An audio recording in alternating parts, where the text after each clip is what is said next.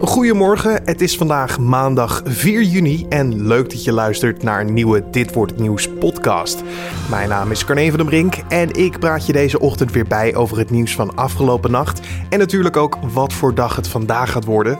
Met erin aandacht voor de NL Alert controleberichten.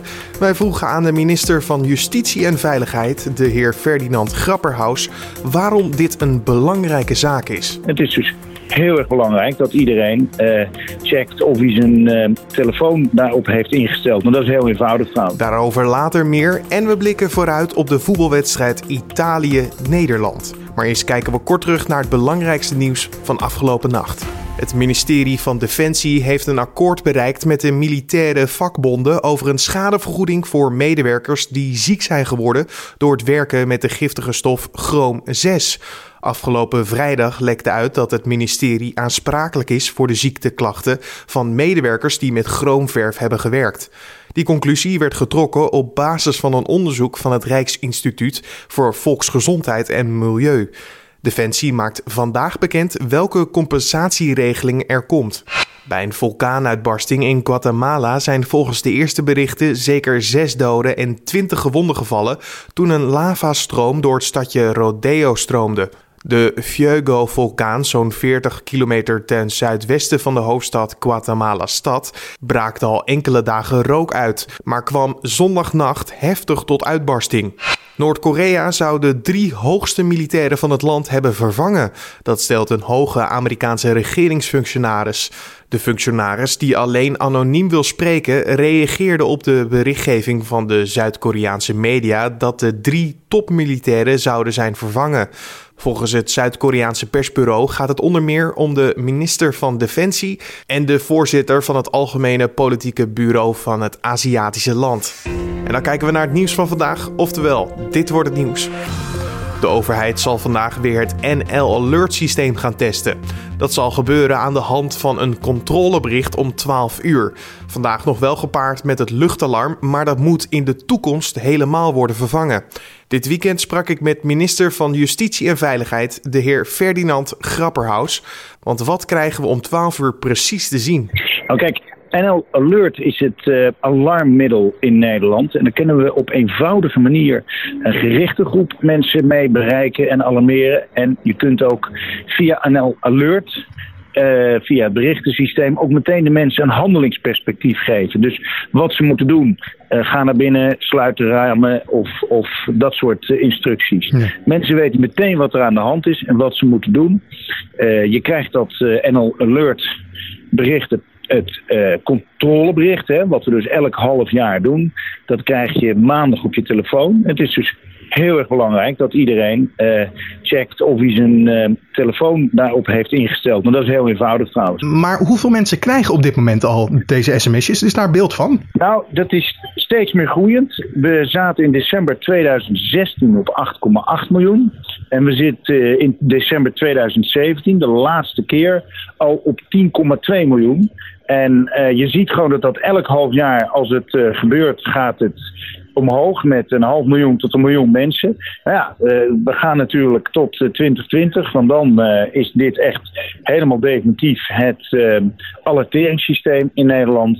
Uh, gaan we door met steeds meer mensen mee laten doen. Ja, precies. Alleen dan de vraag voor de mensen die misschien niet zeker weten of ze er al bij zitten bij die 10 miljoen, of dat ze nog zeker weten dat ze nog niet hebben. Hoe kan je controleren dat je er al bij zit en of wanneer je uh, je moet aanmelden? Je moet uh, naar de website nlalert.nl en daar staat per type telefoon aangegeven uh, hoe je op uh, NL uh, Alert terecht kunt komen. Hoeveel standaard calamiteiten sms'jes zijn er eigenlijk al gemaakt? Zijn die er gemaakt? Ja, er zijn een aantal standaard berichten natuurlijk. Zodat je echt onmiddellijk in bepaalde omstandigheden kunt melden er is nu een uh, alertering. Uh, ja, hoeveel dat er precies zijn, dat zou ik even niet kunnen zeggen. We gaan ervan uit dat dat wel enkele uh, tientallen hebben we al zo'n beetje in dat opzicht als standaarden staan. Maar ja, dat zijn niet ook standaardomstandigheden. maar goed, daarom is het zo belangrijk dat we dit systeem hebben opgezet, zodat we echt met een eenvoudig bericht aan de mensen uh, via hun mobiele telefoon iedereen kunnen alerteren. En ik heb het uh, in december zelf het bericht mogen versturen vanaf de alarmcentrale. Uh, en heb dus ook kunnen zien hoe goed dat werkt. want ja, je zag dus ook onmiddellijk alle mensen die daar in de buurt waren, dat er allemaal telefoonpiepjes gingen. Uh, want er komt dat bericht bij je binnen. Ja, hoe, hoe was dat op dat moment? Was dat niet verschrikkelijk spannend, lijkt me? Op het moment dat je een knop indrukt en dan krijgen alle mensen krijgen een, een sms'je. Ja, dat is een bijzonder gegeven dat je als, uh, nou ja, als, als minister in dit geval nou, het voorrecht hebt, want dat vind ik het, om een keer in zo'n uh, grote meldkamer te zijn, te zien hoe alles werkt en om dan samen met iemand daar uh, dat te mogen instellen. En dat dat dan inderdaad bij meer dan 10 miljoen mensen binnenkomt in Nederland. en we hebben het dus over die standaard calamiteiten, sms'jes die dus al zijn gemaakt. Hoe ziet zo'n sms'je er eigenlijk uit als er een dreiging is van buitenaf of een, een weersomstandigheid die dreigend is? Hoe ziet zo'n sms'je eruit?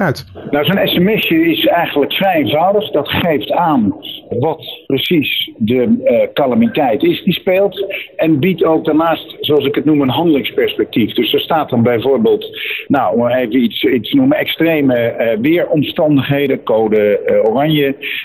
en dan staat er ook bij wat van mensen verlangd wordt. zorg dat u, uw, dat u alles binnen heeft, dat u uw ramen dicht heeft. Er staan altijd een paar van dat soort handelingen bij.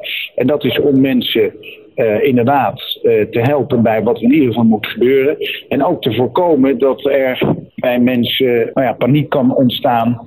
En men juist de 112 gaat bellen voor heel eenvoudige vragen. Terwijl 112 moet juist in die situaties, als er een NL-alert is, ook als dat hè, lokaal is, bijvoorbeeld omdat er ergens uh, een, een, brand is ontstaan waar misschien bepaalde stoffen bij vrijkomen, nou, dan moet je ervoor kunnen zorgen dat mensen dat weten, dat ze een paar eenvoudige handelingen al kunnen gaan doen. En dat alleen de mensen die echt in de problemen raken, uh, dat die voor 112 meteen ook beschikbaarheid hebben. Ja, alleen de kant, het is natuurlijk wel sms'jes die je uh, kan aanmelden via een smartphone in dit geval. Uh, is dit niet een manier om ouderen of bijvoorbeeld mensen zonder smartphone ook een smartphone door hun neus te drukken eigenlijk? Nee, dat is het uh, uh, zeker niet. En we zijn ook nog helemaal niet in uh, 2020. En dan is het echt de bedoeling dat dit systeem definitief de zogenaamde de waspalen met die, ik zou maar zeggen, die sirenes zou gaan overnemen. Zover zijn we dus nog echt niet. ondertussen is de smartphone dichtheid in Nederland, die wordt natuurlijk ook bij ouderen steeds groter en groter.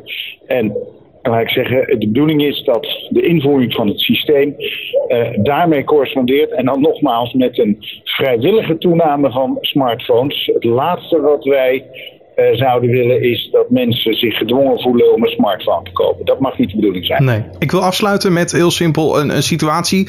De NL Alert wordt al een enige tijd uh, regelmatig ingezet bij noodsituaties. Zo, zo, kan ik mij herinneren dat ik vorig jaar in Amsterdam was en dat daar een toenemende drukte uh, kwam vanuit de bevolking. En ik een sms daarover kreeg. Alleen ik kreeg dat bijvoorbeeld drie keer, wat dus later een fout bleek te zijn. In hoeverre is dit systeem, de NL Alert, waterdicht aan technische fouten? Op dit moment?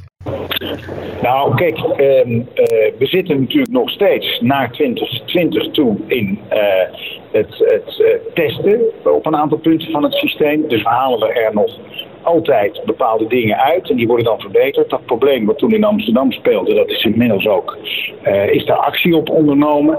En we gaan ervan uit dat uh, nou, eigenlijk al uh, denk ik volgend jaar 2019 toch echt het uh, systeem helemaal bestand is tegen dit soort fouten, zou ik maar zeggen. Je hoorde minister Ferdinand Grapperhaus van Justitie en Veiligheid. Vanavond speelt Nederland in een oefeninterland tegen Italië. De ploeg onder leiding van bondscoach Ronald Koeman kwam in de vorige wedstrijd tegen Slowakije niet verder dan een 1-1. We vroegen aan onze vaste nu-sportredacteur Riepke Bakker of het een onbekommerd avondje voetballen wordt of staat er echt iets op het spel? Ja, dat, dat denk ik wel. Tenminste, als ik deze wedstrijd moet typeren, dan is het de derby der crisislanden. Het zijn de twee grote mogendheden in Europa. Italië, viervoudig wereldkampioen en Nederland, drievoudig WK-finalist. die er deze zomer niet bij zijn op het WK in Rusland. Dus ja, er staat iets op het spel. Namelijk, uh, ja, enerzijds die, die landen willen allebei iets oppoetsen uh, richting ja, de, de start van de Nations League die er aankomt na de zomer. En er staat gewoon heel veel eer op het spel. Want ja, wij in Nederland zijn niet zo heel blij met het Nederlands elftal de afgelopen jaren. Maar in Italië is het allemaal uh, ja, nog veel erger. Ja, na de gelijkspel tegen Slowakije maakte Nederland een, nou, misschien een gemeleerde indruk. Ronald Koeman zei ook dat ze veel agressiever eigenlijk uh, hun, hun best moesten doen. Is het misschien duidelijk of Nederland iets aan zijn uh, speelstijl zal aanpassen? Nou, het wordt gewoon weer het ouderwetse uh, Koeman-spel met drie centrale verdedigers. veel zekerheid. We hebben niet meer de kwaliteit van vroeger. maar we hebben wel hele goede verdedigers. Dus vanuit daaruit denkt Koeman, zoals bijvoorbeeld ook heel goed ging tegen, tegen Portugal. En daarin heel belangrijk is dat natuurlijk waarschijnlijk Virgil van Dijk, onze nieuwe aanvoerder, terugkeert in het Nederlands elftal Champions League finale gehaald met Liverpool. Hij wordt heel belangrijk en wat Koeman dan natuurlijk hoopt is dat hij het spel van de tweede helft terugziet tegen Slowakije. En was het heel slecht naar is onder aanleiding van uh, onder uh, aanvoering van uh, Ruud Vormen. Toch een beetje de patroon op het middenveld. Hij, hij zette gewoon de lijnen uit op zijn, bij zijn debuut op zijn dertigste. Ja, dat, wil dat Oranje wil Koeman weer zien. Oranje dat initiatief neemt. Oranje dat ja, vanuit wel een bepaalde zekerheid speelt. Maar ook een bepaalde ja, agressie. Spelers moeten zich laten zien. Want alles ligt open bij het Nederlands elftal in ja, deze oefenwedstrijden. Het is echt experimenteren geblazen richting het echte werk. Dus ja laat je maar zien, zegt Koeman. Ja, en kunnen wij nog nieuwe gezichten op het strijdtoneel uh, tegenkomen van Nederland? Nou, in ieder geval Martin de Roon. Dat is de enige waarvan Koeman zei, die gaat sowieso spelen van de veldspelers. En Jasper Sillissen zal in plaats van Jas, uh, Jeroen Zoet gaan, uh, gaan keepen.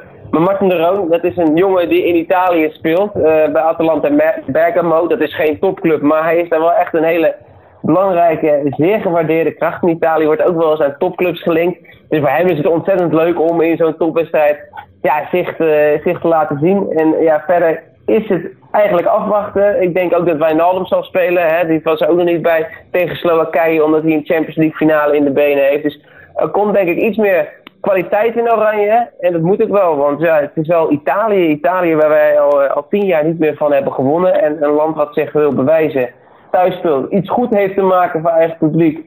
Dus het moet ook wel. Nou, moeten we bang zijn voor Italië als jij het zo ziet, als je naar de huidige selectie van ze kijkt?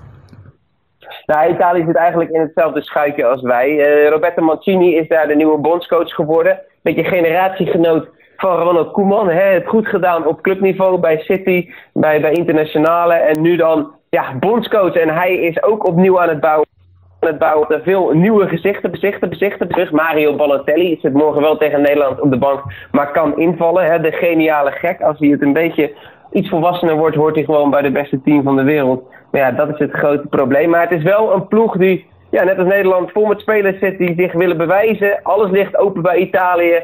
Ja, en nogmaals, ze hebben het nog veel erger verbruikt. Het, volk, het Italiaanse volk is, is, was woedend op Italië nadat ze tegen Zweden natuurlijk werden uitgeschakeld voor het WK.